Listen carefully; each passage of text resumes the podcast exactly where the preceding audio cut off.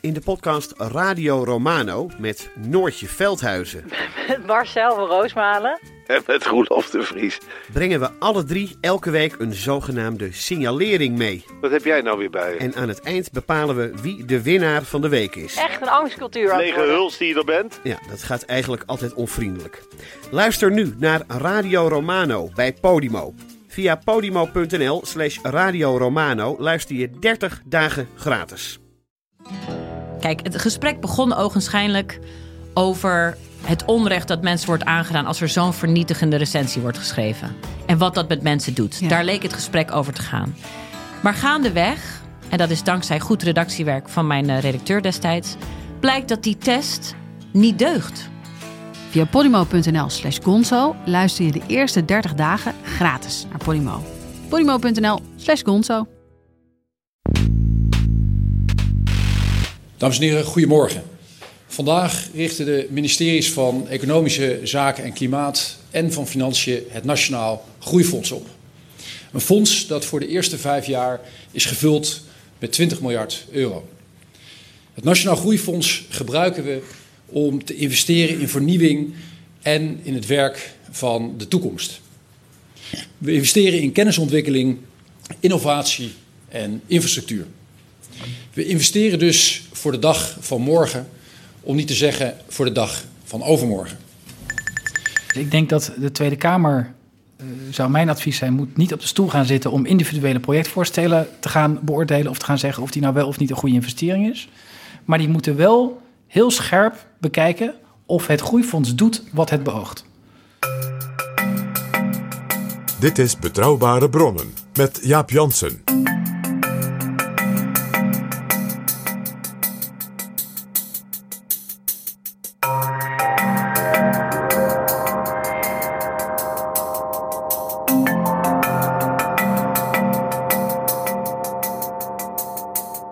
Hallo, welkom in Betrouwbare Bronnen, aflevering 137. En welkom ook PG. Dag Jaap. We gaan praten over het Nationaal Groeifonds. Op Prinsjesdag kwam het er dan eindelijk, na een jaar wachten. De aankondiging van een investeringsfonds van 20 miljard euro gedurende vijf jaar. Eenmalige investeringen betaald uit staatsleningen die nu uiterst goedkoop zijn. Het was al bedacht voordat het coronavirus om zich heen greep. Maar juist in crisistijd lange termijn investeringen doen is heel goed, zei SER-voorzitter Mariette Hamer nog in Betrouwbare Bronnen, aflevering 136. Maar er klinkt ook een hoop aarzeling en soms ook negatieve geluiden. Zou het beter kunnen, zodat het nog meer impact kan hebben? Als je de juiste lange termijn doelen kiest. En hoe doe je dat? Er is in Nederland tenminste één iemand die daar alles van weet. Want hij deed in toptechland Canada precies het soort dingen dat het Wopke Wiebesfonds zegt te willen bereiken. En dat is Jury van der Steenhoven. Sinds één jaar vicevoorzitter van de Hogeschool Leiden. Welkom in Betrouwbare Bronnen, Jury van der Steenhoven. Dankjewel, graag om hier te zijn. Dit is Betrouwbare Bronnen. Voordat u naar Canada vertrok, was u medeoprichter van Kennisland, een veranderingslaboratorium dat nog steeds bestaat. U was medeoprichter van de Kafka-brigade, die overheden hielp bureaucratie tegen te gaan. En u was betrokken bij de Young Foundation in het Verenigd Koninkrijk. En lid van het bestuur, nog steeds, van de Lisbon Council, een belangrijke denktank in Brussel over groei en innovatie. Tussen 2013 en 2018 was u Vice President of Systems Innovation en Director of the Mars Solutions Lab in Toronto, Canada. En PG, wat schreven de Canadezen toen over Jury? Nou, op hun website beschrijven ze Yuri zo. Being a systems thinker, he likes to work on wicked problems and find innovative solutions with others. En de Canadezen vonden die Kafka Brigade ook heel spannend. Een systeemdenker. Wat deed u daar precies bij Mars? Nou, ik heb daar eh, eigenlijk, je zou kunnen zeggen, de derde poot van Mars helpen ontwikkelen. Mars is begonnen eh, in 2000 als een gebouw, een plek, een hub, waar wetenschap, eh, bedrijfsleven en overheid samenkwam. Ehm, waar eh, zowel onderzoekslabs van universiteiten en van, eh, van bedrijven, maar ook heel veel start-ups eh, bij elkaar kwamen en ook werden geholpen om kennisintensieve innovatie tot stand eh, te helpen brengen. En je zet hele verschillende soorten innovatoren bij elkaar. Ja. Omdat je Uit al, al pratende en elkaar bekijkende van elkaar kunt leren en elkaar kunt stimuleren. Ja, precies. En vanuit verschillende sectoren, maar wel sectoren die een aantal overeenkomstige kenmerken hebben. eh, kennisintensief. Dus denken aan sectoren als health, life sciences en health, eh, fintech, cleantech. Ook sectoren die maatschappelijk relevant zijn. En waar je niet alleen een economische impact hebt, maar ook een maatschappelijke impact. En dus ook sectoren daarmee die ook deels publiek gereguleerd of gestructureerd zijn.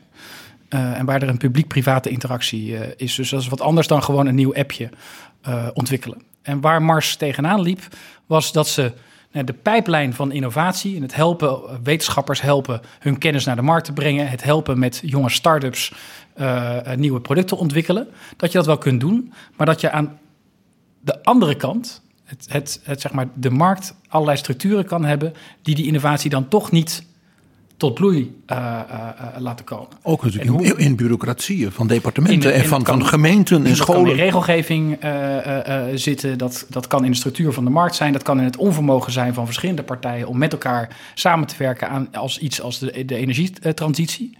Dus hoe ontwikkel je nu programma's om eigenlijk het klimaat voor, eh, eh, voor innovatie en voor al die innovatoren die met die kennis uit die wetenschap eh, aan, aan de slag gaan, dat die daar ook een, een, een goed klimaat voor hebben. En dat is wat ik in Canada heb helpen opzetten vanuit Mars.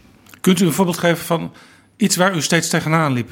Welk probleem moest eigenlijk steeds weer opnieuw worden opgelost? What was het most wicked problem? Nou, als je bijvoorbeeld kijkt naar, eh, laten we nu eens als, als, zorginnovatie eh, eh, kijken. Gezondheidszorg. En in de gezondheidszorg. Eh, en daar hebben we met ziekenhuis, eh, ziekenhuizen gewerkt om eigenlijk hun inkoopstrategie eh, te veranderen. Omdat ze deels door regelgeving gedwongen dat allemaal via aanbestedingen deden. Maar die aanbestedingen eigenlijk heel weinig ruimte lieten voor de innovaties die in de markt beschikbaar waren. Waardoor je toch uiteindelijk suboptimale oplossingen had die zo'n ziekenhuis dan uiteindelijk aanschafte. Omdat de aanbestedingen vaak leken op de vorige aanbesteding, want dat kenden ze al, dus dat was logisch. Ja, en omdat ze dan zelf, omdat ze eigenlijk niet wisten welke innovatieve oplossingen er beschikbaar waren, gingen ze zelf het product definiëren wat ze wilden aanschaffen. Eh, eh, eh, in plaats van dat er ruimte was om ook op andere manieren en de meer innovatieve manieren eh, eh, een, een, een, met, tot een oplossing eh, te komen. Dus en dat was natuurlijk dan gewoon ook duur als je al door het oude kocht. Uiteindelijk is het duur, omdat je ook daardoor eh, een, een, ja, een, een, een suboptimale oplossing eh, eh, eh, levert. En dit is natuurlijk ook het voordeel van samen op zo'n eh, terrein zitten, eh, omdat je allemaal wel dat soort ervaring hebt, waar in welke sector je ook actief bent. Precies. Dus je kan, eh, of het nu gaat over nou, het cleantech of fintech of, of, of je kan ook enorm van elkaar eh, eh, leren daarvan. Het andere grote issue waarom Mars werd opgericht destijds was de, was de constatering dat Canada eigenlijk een klein land is. En onvoldoende schaalgrootte heeft. Op de wereldkaart is Canada Eh, best groot. Op de wereldkaart is best Alleen groot. Rusland is Eh, groter. eh, alleen, het, precies, het tweede land ter wereld, maar eh 34 miljoen inwoners. Twee keer Nederland. Eh, eh, dus twee keer Nederland inderdaad zo ongeveer. Ehm, en de marktmacht van de zuidenbuur, Amerika en met name Silicon Valley, is natuurlijk zo groot dat eh, eh, eh, als er dan een, een, een mooie Canadese uitvinding eh, eh, was, dan ging die al in een heel vroeg stadium of naar, naar, naar Amerika, of hij kwam er niet doorheen. Eh, kreeg te maken met Amerikaanse investeerders, want er was te weinig kapitaal in, in, in Canada aanwezig. En dan, voor, dan lekte dat eigenlijk eh, weg. Het gevaar natuurlijk ook is dat in zo'n omstandigheid een Canadese student ervan droomt naar Silicon Valley te gaan. Precies. En hoe zorgen we ervoor dat die student niet droomt om naar Silicon Valley te gaan, maar om in Toronto te blijven of in Vancouver en het daar te doen? En het interessante is dat je nu na 20 jaar ziet, de laatste twee, drie jaar groeit het techcluster in Toronto sneller dan dat van Silicon eh, Valley. En zie je dat er mensen vanuit Silicon Valley liever naar Toronto eh, gaan. Dat bedrijven die in Silicon Valley zitten, eh, bijvoorbeeld Google, heeft zijn AI-research verplaatst van Silicon Valley naar Toronto. En dat is in het gebouw van Mars is dat begonnen. Ja, terwijl ik me ook kan voorstellen dat een bedrijf als Google aanloopt tegen bepaalde strengere wetgeving in Canada dan in Amerika. Ja, maar uiteindelijk is dat niet eh, waar, waar een bedrijf als Google naar op zoek was, was één talent. Hebben we echt het talent eh, waar we naar op zoek eh, zijn? En twee, juist die interactie en een goed ecosysteem waar verschillende partijen, nou, ook als je het over AI hebt, dan beseft ook een bedrijf als Google dat er, hè, nou ja, daar kun je heel kritisch over zijn, hè, een heel ander hoofdstuk, maar zij beseffen ook wel dat er, dat er allerlei elementen in zitten, ook in regelgeving en ethiek. Dus ze zijn op zoek naar een ecosysteem wat die diversiteit ook reflecteert. En, en Silicon Valley is natuurlijk toch veel meer een vrij unisono technologisch uh, gedreven. Terwijl Toronto een veel breder ecosysteem he, uh, heeft. Met ook die een nauwere interactie tussen de verschillende spelers, bedrijven, overheid, kennisinstellingen. Eh, ik heb toevallig de laatste cijfers gezien over de toestroom wereldwijd van dus jong talent. De Verenigde Staten zit dus fors in de min. Een van de grote stijgers is Canada.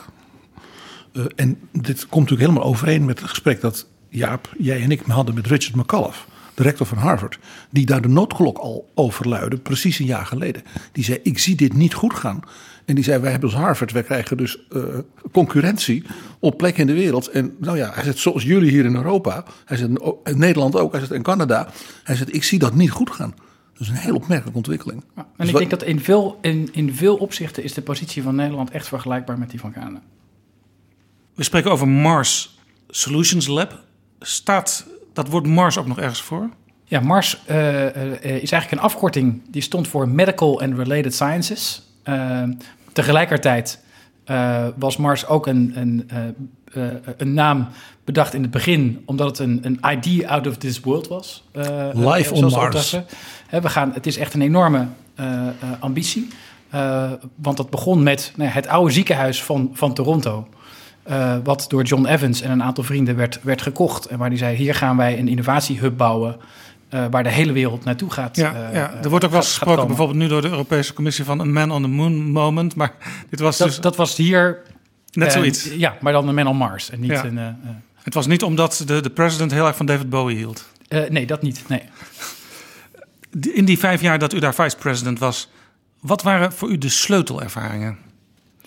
Nou, dus, er zijn een aantal, aantal sluitervaringen. Eén is dat het dus enorm belangrijk is om die tussenruimte te organiseren. Uh, de tussen wie en wie? Tussen, tussen bedrijven, kennisinstellingen en overheid. Alle, alle, alle drie. Dus het hart van de triple helix. Het hart van de triple helix. Om, om, om daar uh, uh, iets voor te organiseren. Wat niet van een van die drie partijen is, maar wat er echt tussen staat. En dat is de functie die Mars ook had. Die had heel veel partners, maar ze stonden wel tussen die drie partijen. Ze waren geen overheid, ze waren geen kennisinstelling, ze waren geen bedrijf. Uh, maar stonden echt tussen om die, om die verbinding te leggen. En tegelijkertijd was Mars hè, gericht op die tweede les, creëer die schaalgrootte. Dus Mars was ook, hè, functioneerde voor heel Canada, was wel gevestigd in Toronto en had daar wel echt het hart. Maar had een, had een nationale uitstraling en een mandaat om eigenlijk de, het portaal te zijn naar de wereld om zowel Canadese innovaties te helpen uh, uh, naar de internationale markt te gaan, maar ook om, te, om, om Canada interessanter te maken voor internationale partijen, internationale investeerders, om naar Canada te komen en met de Canadese RD gemeenschap en, en innovatiegemeenschap samen te, uh, te werken. Ja, dus in, in, in, Nederland kennen we onder andere de high-tech campus in Eindhoven. Is die daarmee vergelijkbaar? Want daar zitten ook heel veel internationale bedrijven en organisaties. Ja, dus nou, je ziet Mars heeft een andere functie dan een campus. Dus je ziet ook in Canada zijn er in verschillende uh, uh, delen van het land, ook in Ottawa en Waterloo. in Waterloo heb je een campus die heel erg vergelijkbaar is met de high-tech campus bijvoorbeeld. En een concentratie van bedrijven en, op, op, op dat terrein. De functie van Mars was, was een andere. Die, ver, die verbond ook een, weer een deel van die, die campussen en die geografische gebieden met, met internationale partijen. En zette eigenlijk Canada internationaal op de markt als een interessant innovatieland. En daarom dat ze een Nederlander aantrokken? Nou, ze, ze, trokken destijds, denk ik, een Nederlander aan, maar dat zou je aan hem moeten vragen. Uh, uh, omdat ze op zoek waren naar ja, hoe kun je die interactie en, en die samenwerking tussen overheid, kennisinstellingen en bedrijven vormgeven, gedreven vanuit een aantal maatschappelijke uitdagingen. Nou, en dat is natuurlijk waar ik bij Kennisland uh, enige ervaring mee op had gedaan. En wat ze herkenden als vanuit zijn eigen. Dat is eigenlijk een van de weinige plekken ter wereld waar dat uh, in die vorm al was, uh, uh, was geprobeerd. En daarom ook de opmerking zojuist van Nederland en Canada hebben in dit opzicht, in dit type ontwikkeling van zeg maar, de kenniseconomie, veel vergelijking. Ja, en we zijn natuurlijk, net als Canada, is Nederland een land wat sterk in kennis is. waar we heel veel kennis wordt geproduceerd, heel veel excellent onderzoek plaatsvindt. eh, een heel sterk hoger onderwijsstelsel heeft, ook qua, eh, als het gaat over talent. Maar we zijn een klein land in, eh, binnen, binnen Europa en naast een grote broer Duitsland. Eh, eh, dus in die zin denk ik, er zijn heel veel vergelijkingen te trekken. Ja, ik vroeg naar de sleutelervaringen. Ehm, ja, wat is een sleutelervaring geweest? Ehm, Nou, misschien kan ik het praktischer maken. Welke lessen heeft u in die vijf jaar in Canada geleerd, die u nu mee terug heeft genomen naar Nederland en waar u hier verder mee kunt? Ehm, nou, de, de, eh, ik denk een van de kernlessen is dat innovatie niet meer iets is van één sector. Eh, maar dat het echt gaat over wat we in Canada convergence, eh, convergentie noemden. Ehm, eh, eh, ook innovatie in bijvoorbeeld de life sciences en health sector gaat over digitaal, gaat over eh, gedrag. Eh, en dan heb je behavioral science eh, eh, nodig. Eh, gaat over eh, inzichten vanuit eh, eh, soms de marketing. Eh, dus Eigenlijk zoals nu- innovatie wordt steeds Ja. meer cross-sectoraal. Eh, eh, Wat we nu heel eh, duidelijk ook zien bij de aanpak van eh, COVID-19, het coronavirus. Dat moet ook vanuit alle inzichten worden aangevlogen. Precies, dus het wordt daarmee dus ook een veel complexer proces. Eh, en je moet dus ook meer in systemen gaan, gaan denken eh, eh, dan, dan in individuele oplossingen. Het is wat ik altijd zeg, je kunt tegenwoordig geen geschiedenis meer studeren als je geen computer science bent, scientist bent. Want het archiefonderzoek, ook voor kunsthistorici en dergelijke, is allemaal fabelachtig mooi online. Maar je moet daar wel mee om kunnen gaan. En dan kun je dus in de archieven, weet je, met één druk op de knop eh, dingen doen waar andere mensen vroeger twintig jaar over deden. Ja, en je kan ook geen computer science meer studeren zonder eh, eh, aandacht te besteden aan iets als ethiek. En dus hoe, het, het geldt, het geldt en hoe bij- mensen in verschillende culturen omgaan met getallen, omgaan met risico. Ja, zo hadden wij onlangs op de Hogeschool Rotterdam een gesprek over kunstmatige intelligentie en de ethische kant daarvan. Eh, dat je studenten meteen daarmee ook aan de slag moet gaan met die ethische vragen. Eh, voordat ze in een bedrijf aan het werk zijn en eh, er misschien pas heel laat achterkomen. eh, dat er toch ook wat, wat vraagtekens gezet kunnen worden bij Ja, sommige ontwikkelingen. Precies. En dat is niet iets wat je dan in het derde jaar nog met een kleine vakje kan, kan, kan organiseren. Maar je, het, hoe, hoe leid je mensen op die de volle complexiteit van zo'n technologie kunnen vatten. En dat dan ook kunnen vertalen naar wel ja, nieuwe producten. En, En ook dat is dus die convergentie. Die vertaalt is- zich in feite ook in de opleiding van mensen. Zeker, ja. Een van de dingen die eh, ook uit de publicaties van Mars eh, in vroegere jaren, die ik eh, door mijn werk van toen heel veel kon volgen, was het sleutelbegrip social innovation. En het grappige is, daar hoor je in Nederland relatief weinig over. Dat je dan zegt van ja, tech, tuurlijk. eh, creative industries, al die dingen waar, waar we al helemaal blij van worden. En ruimtevaart. En maar dat blijft dan altijd inderdaad nog niet heel erg geconvergeerd. En is social innovation, is dat als het ware het sleutelbegrip voor dat convergentie-idee? Nou, social innovation is het begrip. En eh, ik denk dat we er in Nederland een ander label aan eh, hebben gehangen. wat we wel veel beter bekend is inmiddels. En dat is missiegedreven innovatiebeleid. Eh, want social innovation in de kern eh, eh, gaat over hoe kan je een maatschappelijke uitdaging als vertrekpunt nemen van je innovatie. En wat je de afgelopen jaren ziet, is dat, nou, als we even de opkomst van ICT bekijken, dan zag je natuurlijk in de jaren, en dan maak ik nu even grote stappen door de geschiedenis, maar in de jaren 70, 80 was het natuurlijk echt de kerninnovatie. Eh, hè, van de mainframe computer eh, en eh, de computer, hè, Steve Jobs en, en, en, en, Steve Wozniak, die in een garage hun eerste computers in elkaar zaten te sleutelen. Daarna hadden we twee decennia, hè, jaren 90 en begin jaren 2000, waar het heel erg ging over toch die technologie gedreven, die, die allerlei markten, van de reisbranche tot de muziekindustrie, Telefoon.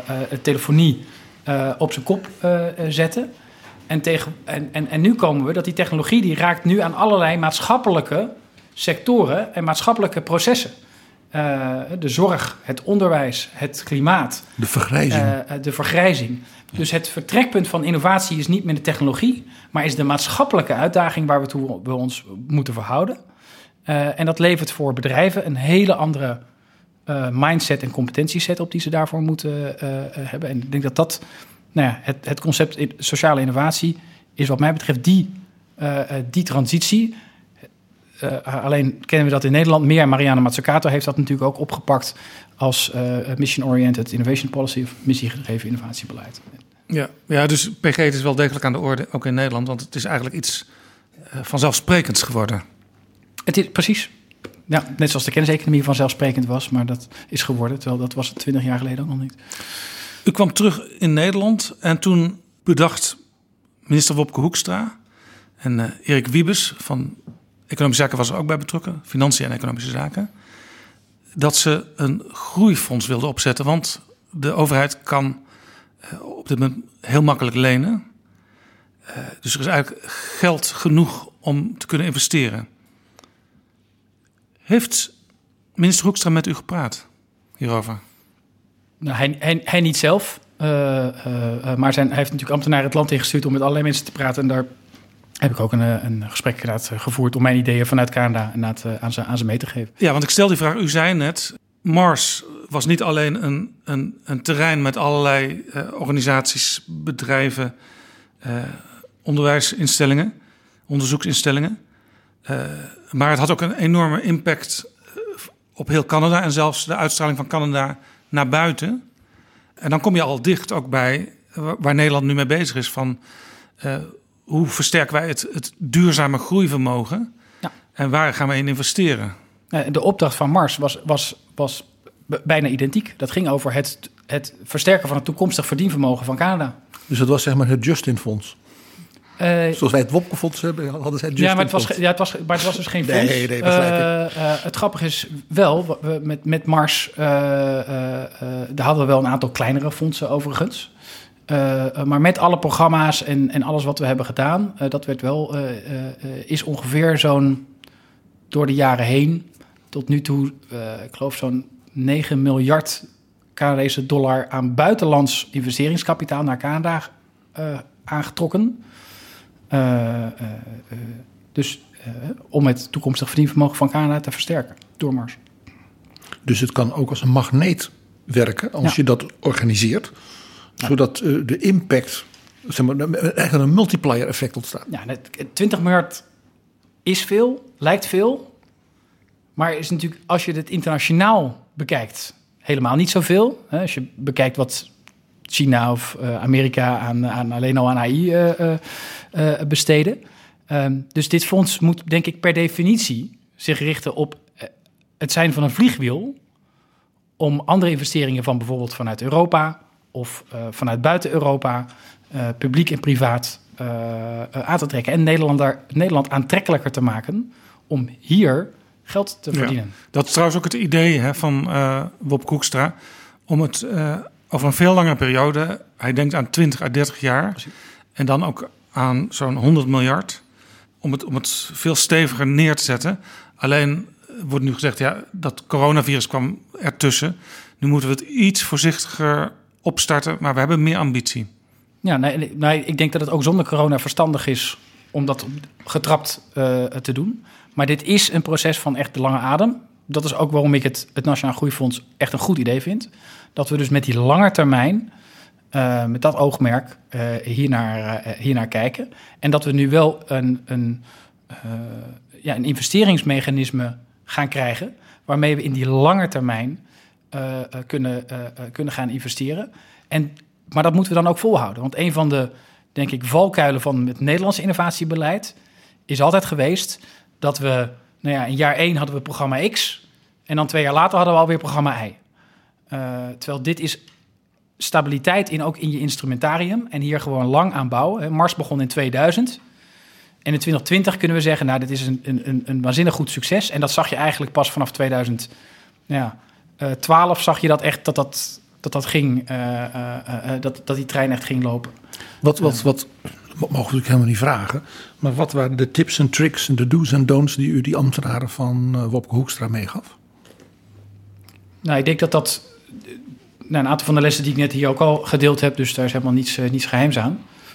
En dus creëer die tussenruimte, denk aan schaalgrootte. Eh, maar ook heb die internationale blik. Ik denk een, een andere valkuil van het Nederlandse innovatiebeleid en veel van de programma's die we in het verleden hebben gezien, is dat die hebben geleid tot een soort concurrentiestrijd tussen regio's onderling in Nederland. Hè, Oh. Krijgt eh, Utrecht meer dan Eindhoven of Amsterdam meer dan Rotterdam? En, En Groningen is zielig, want daar is de aardbeving. Ja. Uh, precies. Terwijl we moeten met z'n allen die blik naar buiten hebben. En ik zou er ook voor willen pleiten om ook meer betrokkenheid van, uh, van dat internationale en van dat buitenland ook in dat fonds te organiseren daar, daarvoor. Ook om ons te, te blijven scherpen. Hoe? Ja. ja, we zijn psychologisch waarschijnlijk nog niet rijp voor, maar eigenlijk zou je dus meteen op Europees niveau moeten organiseren. Nou, ik weet niet of je het op Europees niveau zou moeten organiseren, eerlijk gezegd. Want daar zijn hè, met programma's Horizon Europe en, uh, en het uh, European Institute for Technology. Die zijn er al. Zijn ja. daar al allemaal ja. van dat soort ja. instrumenten waar je denk ik op aan kunt haken. Maar precies, daar, daar moet je dan dus wel... Ja. Ja, je zou kunnen zeggen ook hier een soort subsidiariteit, namelijk doen op welk niveau het meest geschikt is voor een bepaalde investering. En daarin is natuurlijk wel spijtig, eerlijk gezegd, natuurlijk het Nederlands kabinet heeft ingezet op bezuinigingen van de Europese begroting. Dat helpt, dat helpt niet. Uh, precies niet, heeft, precies dat, deze punten. Dat, dat, heeft het gevaar dat men vanuit Brussel dan denkt van, nou ja, daar hebben ze dan nu hun eigen oplossing voor. Dus dan hoeven ze ook wat minder geld uit Brussel. Nou, dat zou ja, dus echt een dat is een beetje gek. Dat een verkeerde conclusie want. Nederland slaagt er tot nu toe juist in om uit uh, Brusselse investeringspotjes relatief veel geld te halen. Ja, precies. Uh, uh, en, en, en dat doen we omdat dat geld voor, verdeeld wordt op basis van kwaliteit. Gewoon waar komen de beste alleen, voorstellen en de beste kwaliteit en alleen voor. daardoor krijgt Nederland dus die enorme ja. power. En, de, en dat zou voor dit fonds ook een leidend criterium moeten zijn. U zegt dus, kijk internationaal. Met dat fonds laat ook meekijken van buiten. het, het plan ligt er nu, dat is 40 pagina's. Staat dat er, er voldoende in? Nou, dit element van dat, dat internationale, wat mij betreft, onvoldoende. Dat zou echt versterkt kunnen, uh, hoe, kunnen worden. Hoe zou u dat doen? Nou, er zijn, een aantal, er zijn een aantal manieren voor. Je kan natuurlijk daar denken in de criteria. Maar die, die, die, die, com, die commissie van experts, kan, dat zijn uh, allemaal Nederlanders. Dat zijn allemaal nou, dat is, dat is een andere manier. Maar nou, ja, laat, even, laat, laat, ik hem even opbouwen. Um, ik denk eerst, uh, er is wel internationaal gekeken naar andere voorbeelden. Maar onvoldoende naar bijvoorbeeld uh, in Duitsland heb je de Excellence-initiatieven. Uh, in Canada heb je de Supercluster uh, Initiative. Dus er zijn een aantal buitenlandse initiatieven die zeggen van nou, daar, die zou ik nog betrekken in die verdere vormgeving van het, van het fonds. Dus dat is één wat je kan doen. Twee, u, u bedoelt je... bijvoorbeeld iemand die daar bij dat Excellence-initiatief. Wat je bij de Excellence-initiatieven goed ziet, is die hebben eigenlijk twee deelstromen in hun die ondersteunen. Internationale onderzoeksexcellentie. Dus daar wordt echt gekeken waar kunnen we, waar we als Duitsland echt top in de, in de wereld zijn. Hoe kunnen we dat zorgen dat we die positie verder uitbouwen of versterken of En dat behouden? is in R&D en universiteiten en vakhogescholen. Ja, dat is echt, echt onderzoek. Uh, en de andere is cluster-excellentie. Dus waar kunnen we zorgen dat juist de kwaliteit van het cluster en de samenwerking tussen kennisinstellingen, bedrijven, overheden, uh, thematisch of geografisch. Uh, nou, dat is denk ik een element waarvan ik denk, daar kun je echt wel een aantal dingen en hoe je dat dan vervolgens vormgeeft van de Duitsers. Uh, ja, dus je zou bijvoorbeeld een, een, een, een Duitser of, en een Canadees die op die terreinen heel veel ervaring hebben, mee laten kijken, moeten laten kijken in Nederland. Nee, dan kan je vervolgens zeggen van nou, we gaan bij de vormgeving van het fonds daar nog eens naar kijken en misschien hem bevragen hoe ze dat hebben gedaan en daar dingen van, van, van leren, niet blind kopiëren. Uh, het tweede wat je zou kunnen doen, is dat je bijvoorbeeld in je beoordeling van de voorstellen, ofwel in die beoordelingscommissie, maar er zit daar buiten ook nog een hele groep van experts die betrokken wordt, waarvan nu wordt gezegd dat zijn met name de planbureaus. Uh, nou, daar zou je kunnen ook over kunnen overwegen om zowel in die commissie als daarbuiten wellicht een, een, een, een internationale blik. Uh, Omdat die planbureaus en die experts, ja, die kennen elkaar natuurlijk al heel goed. Dus die kennen elkaars verhaal ook al. Ja. Nou, en ik denk ook dat het heel goed er is. moeten die... meer impulsen komen. Ja, precies. Uh, en ik denk dat het heel goed dat die betrokken zijn overigens hoor. Maar de vraag is of dat het, het enige perspectief uh, moet zijn. Noem eens een paar namen. U noemde mevrouw Matsukato al.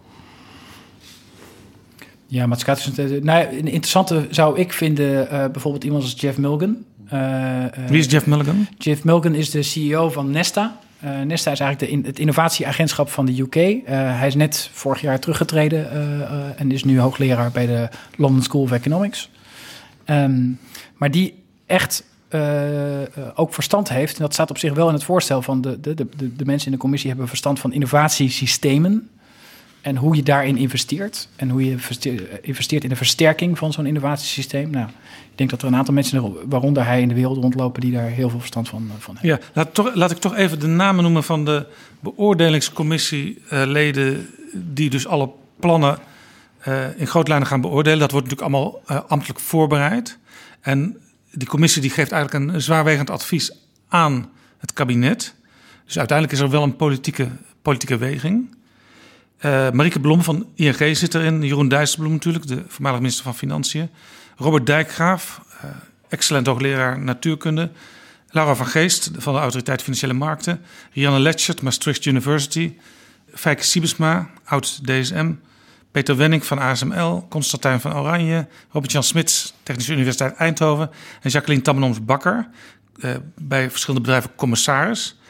Uh, dat geeft al toch wel uit heel veel verschillende invalshoeken uh, een blik. Zeker. Nee, er is helemaal niks mis met die, uh, met die mensen. Dat zijn allemaal slimme en competente mensen die. dus ik denk, het gaat meer over het perspectief. Hè. Misschien wat je er nog bij zou kunnen voegen, dan is wat nemen, dan denk ik dat internationale. Um, en dat. De, Had u er zelf niet in moeten zitten? Nou, het is niet aan mij om dat te beoordelen. Laat, laat okay. de anderen. Maar ze hebben uw nummer. Nou, ik heb met ze gesproken, ja. dus dat ja. neem ik aan van wel. Ja. En, en, drie van die mensen zijn trouwens al in betrouwbare bronnen geweest. Zeker, ja. Ook opvallend. Ja, vier, vier zou een beetje veel worden. Ja, ja um, precies. Nee, maar ik denk, wil, het gaat niet om mijn persoon. De, het, het, belangrijkste is die internationale blik en, die, en, en, en de expertise van, want dat is ook namelijk de functie van die beoordelingscommissie is eigenlijk minder het, het beoordelen van de individuele aanvraag, maar het maken van de integrale afde, afweging ook door de jaren heen, van zijn we nu echt bezig met het versterken van het innovatiesysteem van Nederland en het versterken van het verdienvermogen door op verschillende plekken interventies in dat systeem te plegen. Uh, uh, dus aanjagen dat is, dat hier, is de kern van de taak van die, van die commissie, zoals ik het uit het fondsvoorstel uh, begrijp. Terwijl denk ik dat de planbureaus een veel grotere rol krijgen in de, in de, in de beoordeling van, nou, klopt zo'n individuele fondsaanvraag wel. Dus de planbureaus... voldoende expertise hebben in die commissie om die integrale afweging te maken. En, en, uh, uh, en dus nou, verstand hebben van innovatiesystemen. En wat mij betreft een, een, ook een, voldoende verstand van internationale ontwikkelingen op dat, uh, op, op, op, dat terrein. Als ik het heel goed begrijp dus, u ziet planbureaus als een soort juries voor de in te dienen voorstellen.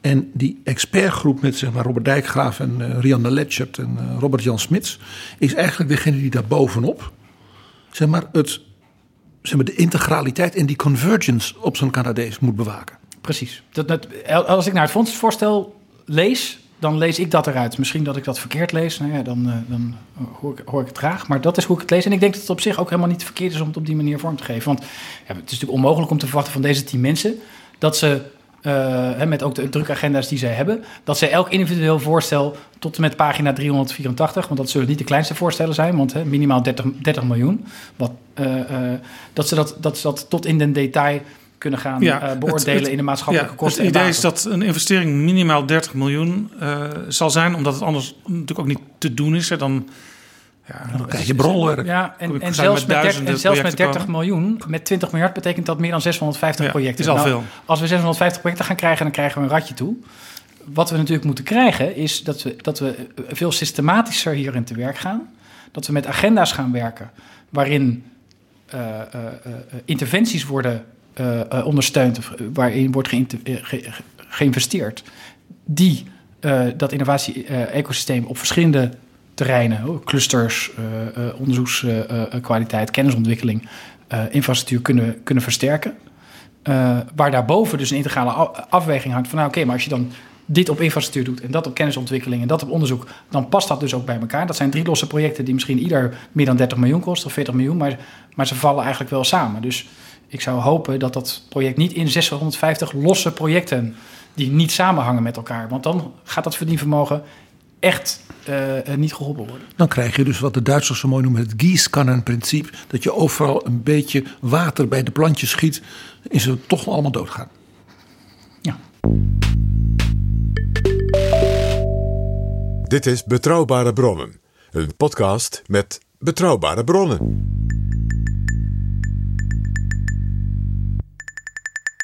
Even voor mijn begrip. Dat fonds is nodig omdat private investeerders...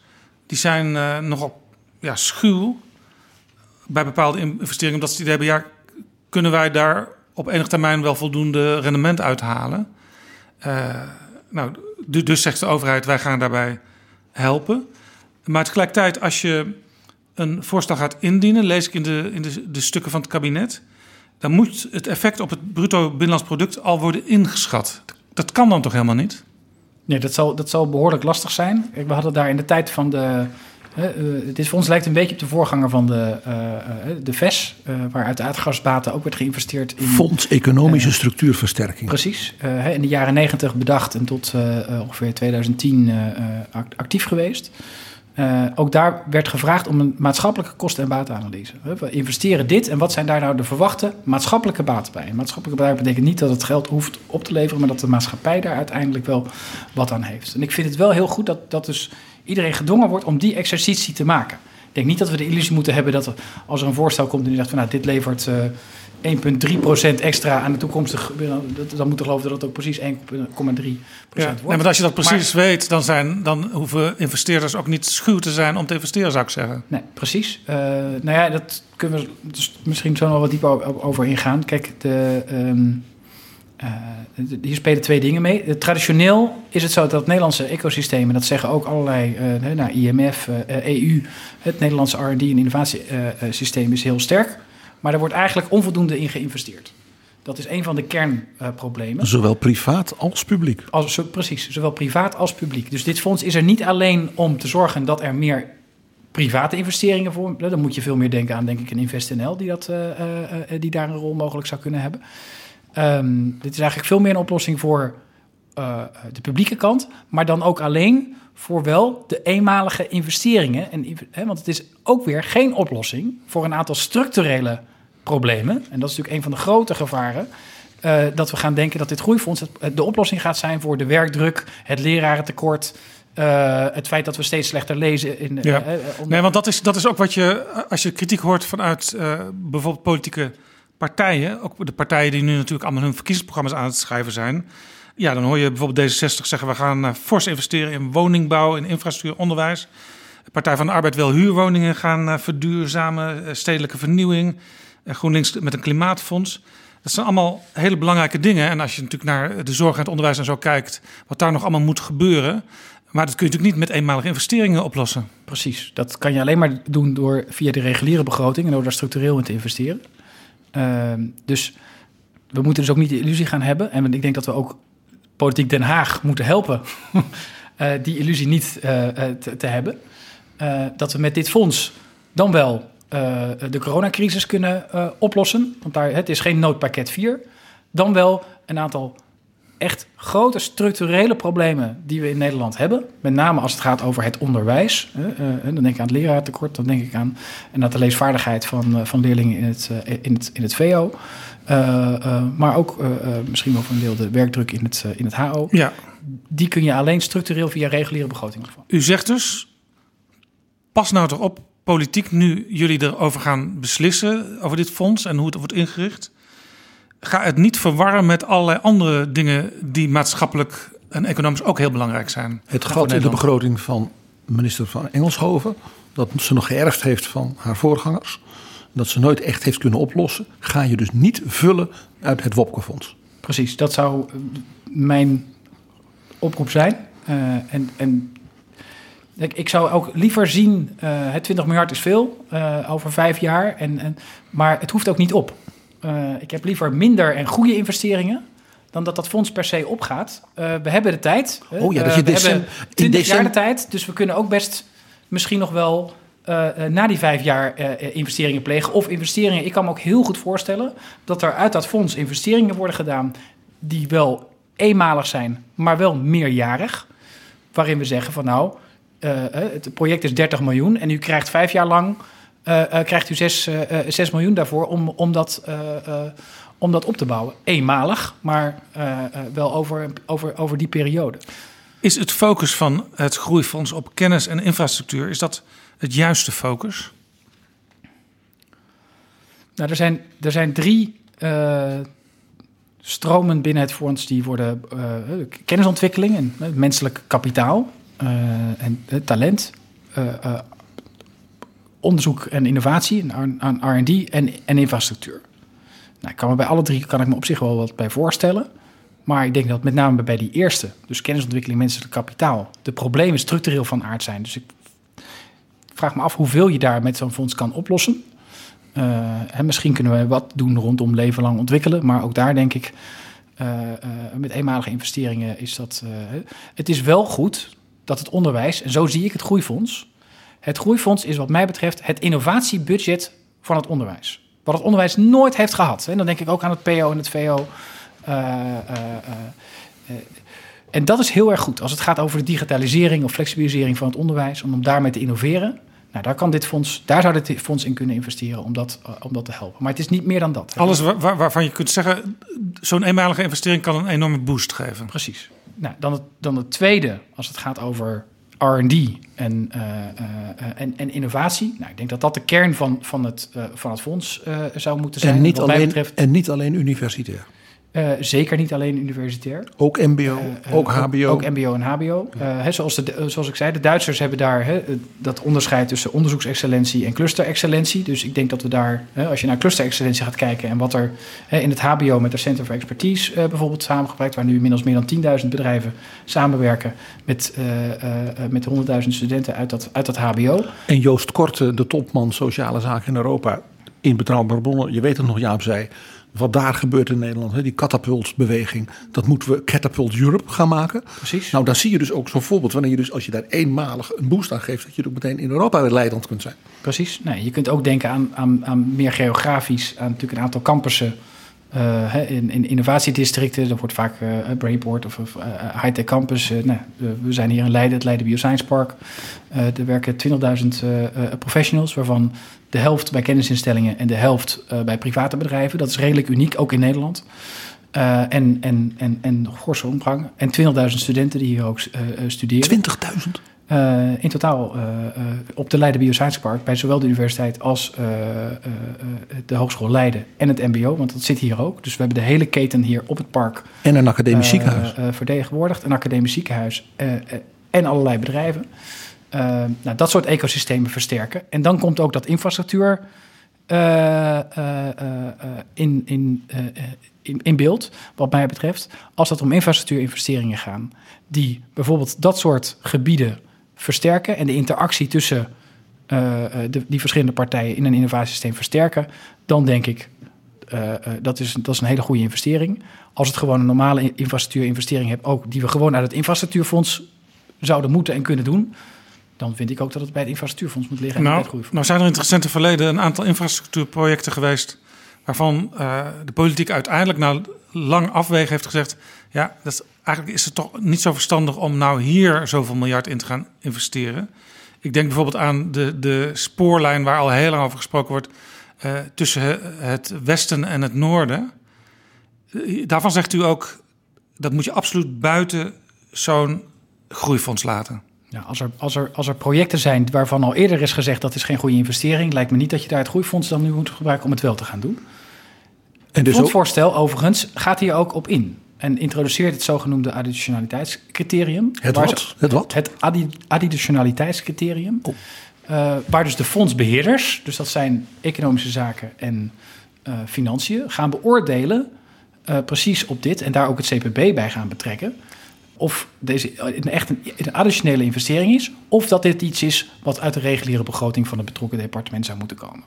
Ja. Dus dit gaat nog veel discussie opleveren. In het verleden was het ook zo bij dat VES bijvoorbeeld, uh, dat departementen toch nog weer zaten te lobbyen om dingen gedaan te krijgen die ze eigenlijk via hun gewone begroting bij de Tweede Kamer en, of, of bij het kabinet en niet doorgekregen. Nou, in, de, in de beginfase van het VES, in de jaren negentig, ging dat eigenlijk heel erg goed. En waren er ook inderdaad inhoudelijke beoordelingen en, en alleen de kwalitatieve voorstellen die, die, die redden het. En daar, waren, hè, daar was de, de MKBA, de maatschappelijke kostenbatenanalyse, uh, uh, moest, daar, moest daar kloppen. Tegen het eind, en wat ook het einde is geworden van het VES, is dat het inderdaad een grabbelton werd voor vakdepartementen die zeiden van ja, ik En pro- en provincies. rond en ik heb wel recht eigenlijk op een deel van, van dat geld, want eh, ik ben ook onderdeel van het, eh, eh, van, het, van het kabinet.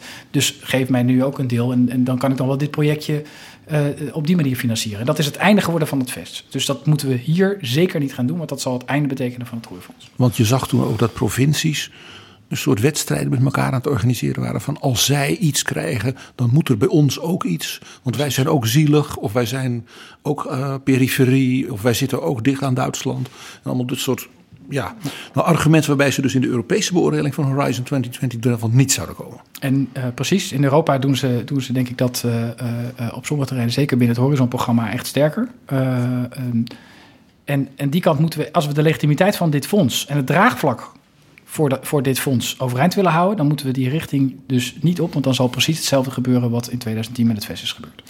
In de beschrijving van deze aflevering staat een link naar dat plan van de ministers Hoekstra en Wiebes. Wat mist u in dit plan? Eh, we hebben het al een beetje over gehad, maar wat had u er echt ingewild wat u er niet in, in, in leest? Nou, een aantal dingen hiervan heb ik natuurlijk al, eh, heb, heb ik al genoemd. Ehm, nee, je zou natuurlijk ook kunnen overwegen om uit dat fonds eh, eh, wellicht een, een investering te doen om een organisatie à la Mars in Nederland op te zetten. Zo'n tussen, En zo'n zodat je de tussenruimte tussenfunctie. gaat, eh, eh, gaat organiseren. Ehm, die tussenruimte zal op lokaler of regionaler niveau eh, eh, eh, ook gaan ontstaan. Dat is alleen maar goed, dat zie je nu al gebeuren. Maar dat zou, dat zou in principe nog steeds kunnen hè, via het fonds. Dat, eh, ik denk dat dat zou, eh, eh, dat zou, zou kunnen. Ja. Wat zou dat kosten? Je hebt zo'n gebouw nodig, je hebt eh, slimme mensen nodig. En Je hebt, eenmalig. je, je, hebt- je hebt, je hebt eh, eh, eh, slimme mensen nodig. Nou ja, Mars, Mars had een. Het, unieke van het concept van Mars, overigens, was het was het oude ziekenhuis wat, wat is aangekocht. En, en, en het vastgoed was van Marcel, van de stichting. Om het te ontwikkelen was natuurlijk een hypotheek nodig om daar allemaal labs in te maken en, en, en om, ook om het uit te breiden, want het is een heel groot complex eh, eh, eh, geworden. Dus daarvoor is een, is een, is een lening afgesloten. Eh, eh, ehm, in 2034 is die lening afbetaald. En heb je een innovatieorganisatie die eigenlijk uit de huurinkomsten van dat hele complex een deel van zijn programmering doet. Dus de begroting van Mars is nu ongeveer 55 miljoen dollar per jaar. Ehm, en daarnaast hebben ze, beheren ze nog een aantal fondsen om, om, om te investeren. Maar die staan los van die, van die kernbegroting. Om die tussenruimte te organiseren, zou je kunnen zeggen. Dat kost ze ongeveer 55 miljoen per jaar. Ehm, dat wordt nu nog deels opgebracht door de overheid, deels door partnerships vanuit bedrijven. En ook kennisinstellingen spelen daar nog enige rol eh, eh, eh, in, maar met name overheid en, en bedrijven. Dat aandeel overheid gaat, loopt af naarmate die aflossing van de hypotheek eh, eh, eh, Dus- dus- vordert. En uiteindelijk kan, kan de bijdrage van de overheid naar, naar bijna nul. Terwijl je dan nog steeds wel die organisatie hebt die die tussenruimte kan organiseren. Dus de Canadese regering krijgt het eigenlijk op een koopje. Uiteindelijk, uiteindelijk wel. En zoals gezegd, dus met een jaarbegroting van eh, eh, eh, 50, eh, 50 miljoen eh, eh, is dus ongeveer eh, nou ja, zo'n 8 miljard eh, dollar van het buitenland aan investeringen naar Canada gehaald. En dat moet binnen dat, die 20 miljard van het Wopke-fonds moet dit ook wel te, te organiseren zijn. Eh, Nou ja, Ja- Ja- Jaap, ik ga het gewoon zeggen. Het is een derde Frenkie de Jong. Ja, maar die investeert niet, denk ik. Hè? Ehm, nog, nog één vraag daarover. Want, u, want dit komt nu ineens plotseling op, ehm, dit idee. Eh gaan er niet ook overal in het land verdedigingslinies eh, omhoog? Dat bijvoorbeeld Eindhoven zegt van ja, maar kom maar bij ons. Of, of dat ze bij u op het terrein in, in Leiden zeggen, kom maar bij ons.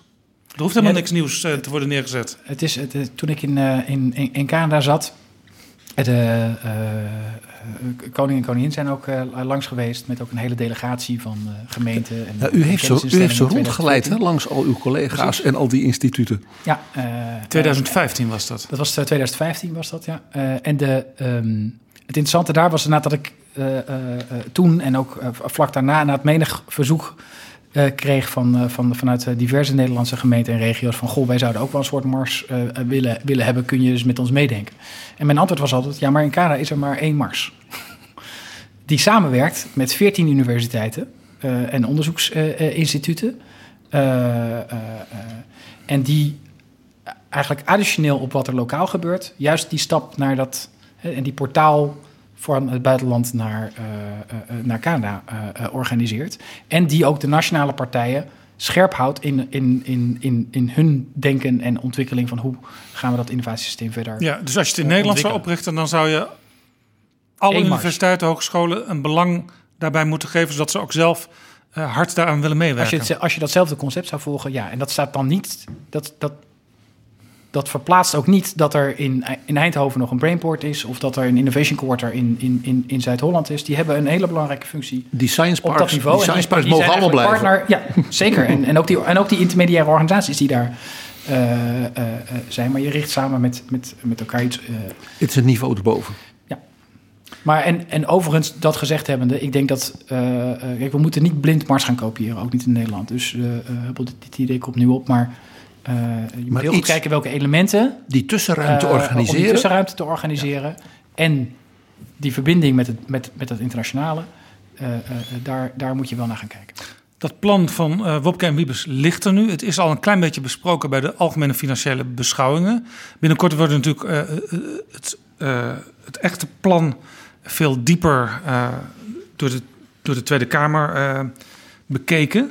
Welke tips geeft u aan het kabinet en de Kamer nu dit er ligt? Hoe kunnen ze het, het wat er nu ligt optimaliseren? Nou ja, misschien kunnen ze, als, als Kamer zelf, eh, kijk zelf misschien ook eens in het buitenland. Hè, dus kijk naar Duitsland, kijk naar Canada, hoe ze het daar gedaan hebben. De lessen mee, breng ze binnen in het debat. Eigenlijk moet de Tweede Kamer voordat ze dit überhaupt gaan behandelen, of hoorzittingen in Den Haag houden, of via het scherm kan natuurlijk ook, of ter plekke in Duitsland, Canada, ehm, misschien ook in Finland, want daar hebben ze, hebben ze ook zo'n systeem, gaan kijken. Ja, ik, ik, zou er, ik zou er zeker gaan kijken of in ieder geval zorgen dat je je lessen daar eh, hebt. Of je er naartoe moet is een tweede. Ehm, ik zou heel erg kijken naar hoe kunnen we ervoor zorgen dat dit, dat dit fonds echt bedoeld is waar het voor bedoeld is. En dat is langetermijn investeringen in het toekomstig verdienvermogen van Nederland. Dus dat het niet een crisisfonds is. Dat het niet misbruikt wordt voor eh Lopende eh, eh, eh, problemen die alleen maar via de reguliere begroting kunnen. Ja, dus je moet ook uitkijken voor wat Roel in het veld noemt perverse effecten. Precies. Eh, ja, en, en ik zie de Kamer daarin eh, eh, kan, kan een hele goede rol spelen. En ook een hele foute. En, en, en controleur eh, zijn om te zorgen dat het, dat dat fonds ook echt doet wat het gaat doen. En ook, en ook een hele foute. Dus de, ik denk dat eerlijk gezegd de. eh, eh, eh, ik, ik zou misschien niet graag in de schoenen van de minister staan. Want die moeten hè, het nieuwe verdedigen tegen het, het bestaande. Die moeten die lange termijn bewaken. Die hebben echt nog wel een klus voor zich. Om te zorgen dat dit, dat, dat hoofddoel van dat fonds overeind blijft staan. Niet alleen nu bij de start, maar ook in de uitvoering. Want hè, nogmaals, we hebben gezien wat er met het vest gebeurt. Dat begon goed, maar dat verwaterde eh, eh, ook. En dat is echt een enorme lastige klus. Tweede Kamerlid Henk Nijboer van de Partij van de Arbeid, die zegt... eh, als ik het nu goed lees, dit plan, mag het geld alleen maar gaan naar zaken die aantoonbaar economische groei opleveren. Hij zegt, dit dreigt een oud recept voor de oude economie te worden. Is die sceptisch van hem, is die terecht? Nou, ik denk dat het is, altijd goed om, om sceptisch eh, te hebben. Zoals ik het fonds bezie en zoals ik, als ik ook naar de, bij de ministers luister, dan zeggen ze ook: het geld hoeft niet direct terugverdiend te worden. De business case hoeft niet sluitend te zijn. Eh, dat biedt, voor mij betreft, ook mogelijkheden om inderdaad te kijken naar. eh, eh, het zijn ook systeeminterventies die je pleegt met andere verdienmodellen. We kunnen natuurlijk niet een fonds inrichten wat eh, moet investeren in het toekomstig verdienen vermogen en dan alleen gaat investeren in het bestaande. Dat lijkt mij onmogelijk. Maar als je nou ziet, het meest recente rapport. We bespraken het in de vorige editie met Mariette Hamer. Dat Nederland op een heleboel terreinen, wat betreft innovatie en dergelijke, het echt goed doet. Centraal Planbureau. Op één ding na leven lang ontwikkelen is Nederland onderontwikkeld. Dan zou je kunnen zeggen, ja, als je nou zo'n fonds voor, zeg bij zo'n sys- systeeminterventie, eenmalige, meerjarige lange termijn boost hebt, dan zou ik zeggen, stop dat geld voor een belangrijk deel in het organiseren van leven lang ontwikkelen. Voor werknemers en werkzoekenden. Ja, ik vind dat eerlijk gezegd een lastige. Welke eenmalige investering kun je daar dan in doen? Leven lang ontwikkelen, om dat verder te brengen, heeft iets te maken met het doorontwikkelen van het aanbod daarvoor en het ook toegankelijk maken van het aanbod. Daar zie je ook nu de eerste initiatieven voor opkomen. Nou, daar hebben we denk ik als hoger onderwijs ook echt de komende jaren een enorme opdracht. Dat is ook hier op de hogeschool Leiden een, echt een, een, een, een, een gesprek wat we met elkaar voeren. Van hoe kunnen we in de komende jaren daar ons aanbod in, in verder gaan uh, ontwikkelen. Dus dat mensen werkenden niet het idee hebben... als ik naar de hogeschool Leiden ga... dan moet ik als een soort scholier mij s morgens om negen uur melden. Ja, bij, bijvoorbeeld dat dat geflexibiliseerd uh, is vanuit leerinkomsten. En dat is overigens wat wij uh, uh, voor een deel al, al doen. Als je kijkt naar hoe we nu, hoe wij onze zijinstroom hebben georganiseerd voor, voor de lerarenopleidingen, waar we te maken hebben met professionals die zeggen: ik wil die stap naar het onderwijs maken vanuit mijn huidige werk. Daar hebben we dat al in hele grote mate gedaan. Dus er zijn al plekken waar we dat, waar we dat, al, waar we dat al doen. Um, ik denk als je leven aan ontwikkelen echt verder wil brengen, dan gaat het ook over nadenken over hoe kun je mensen stimuleren om daar dan vervolgens en, en faciliteren om daaraan deel te gaan nemen. Via leerrechten of via uh, fondsen en budgetten. Ja, dat zijn allemaal zaken die niet uit dit groeifonds gefinancierd kunnen worden. Um, dus leven lang ontwikkelen ga je niet oplossen middels het groeifonds.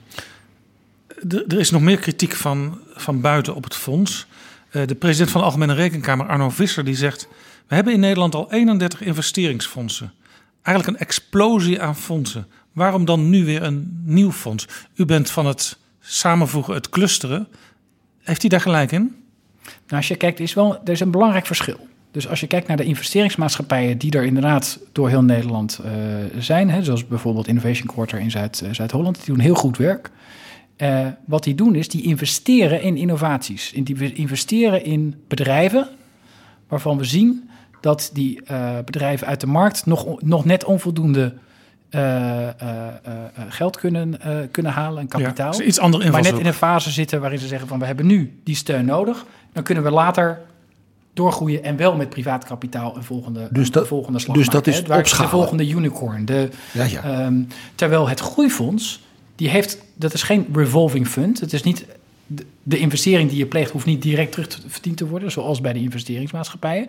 Maar dat gaat veel meer in, in systeeminterventies, waar we precies, waarom is daar geen privaat kapitaal voor of anderszins kapitaal, is juist omdat het niet direct terugverdiend wordt. Maar als we hier gaan investeren om nou ja, het Leiden Bioscience Park tot uh, nou ja, het top life sciences en uh, uh, health park in Europa te, te, maken, waar eigenlijk elke life sciences en health innovator in Europa zegt, nou dan moet ik gewoon minstens twee keer per jaar moet ik daar zijn.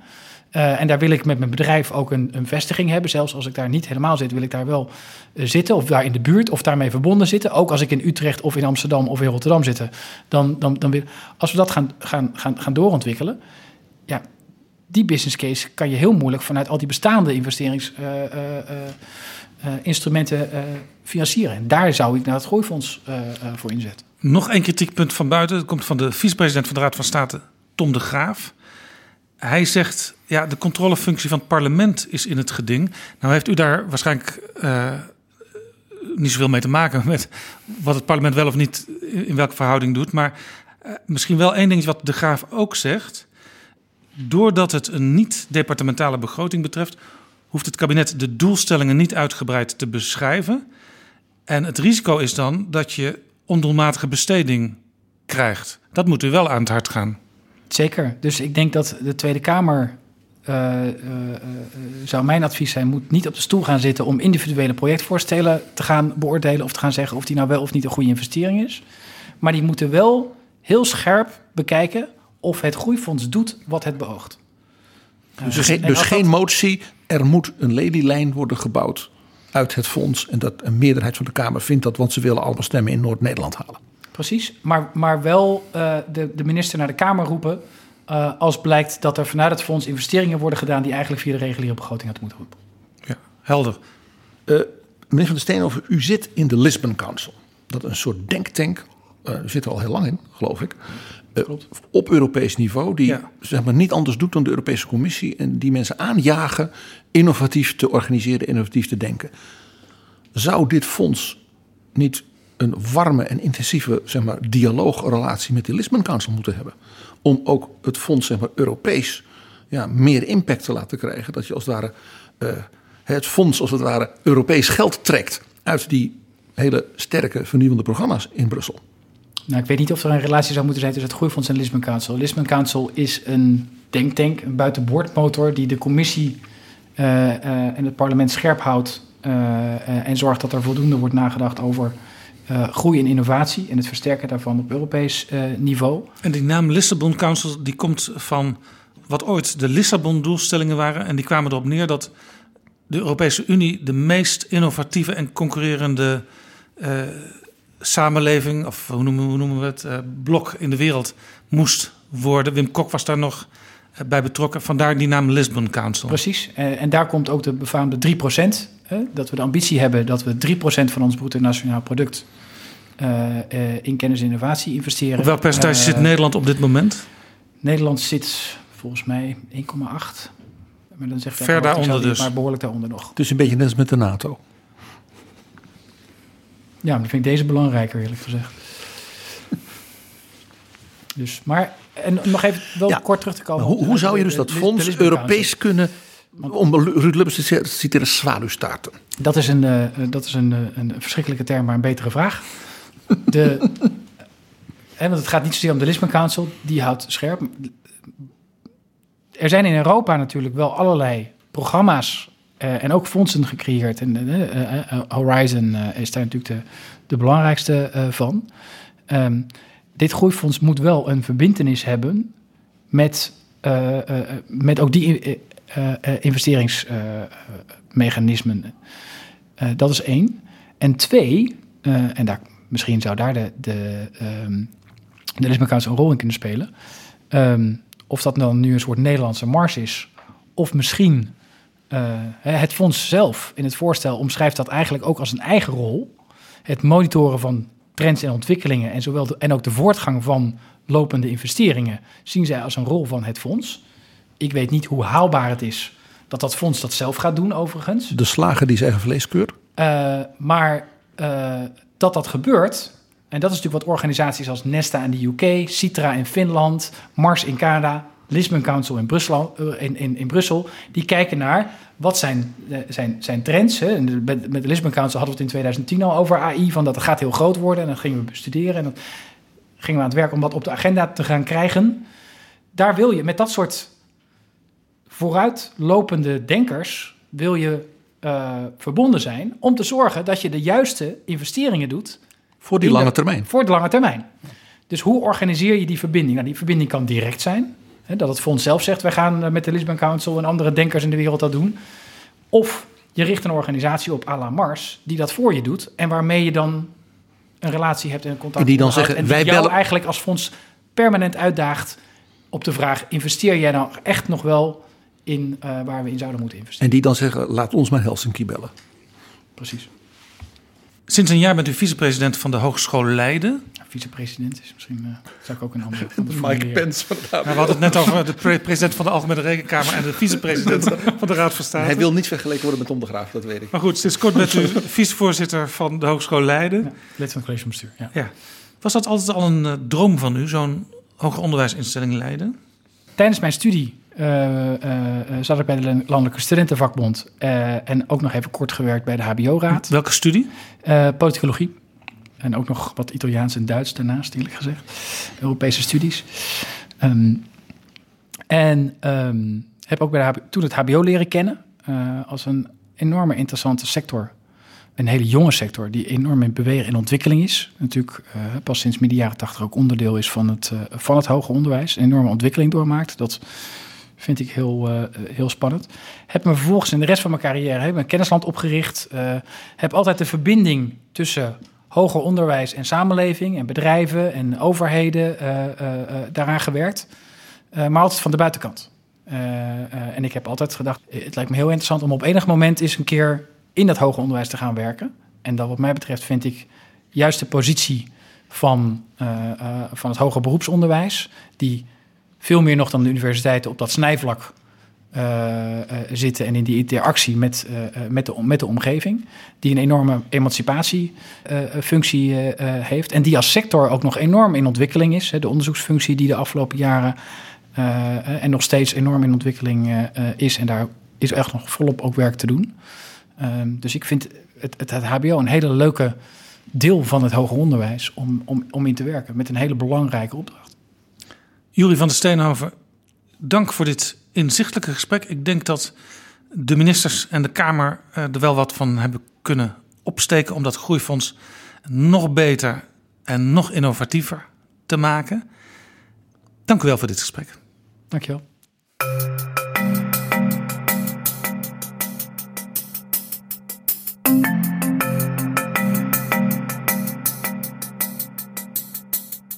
Zo, dit was Betrouwbare Bronnen, aflevering 137. Deze aflevering is mede mogelijk gemaakt door We Nederland.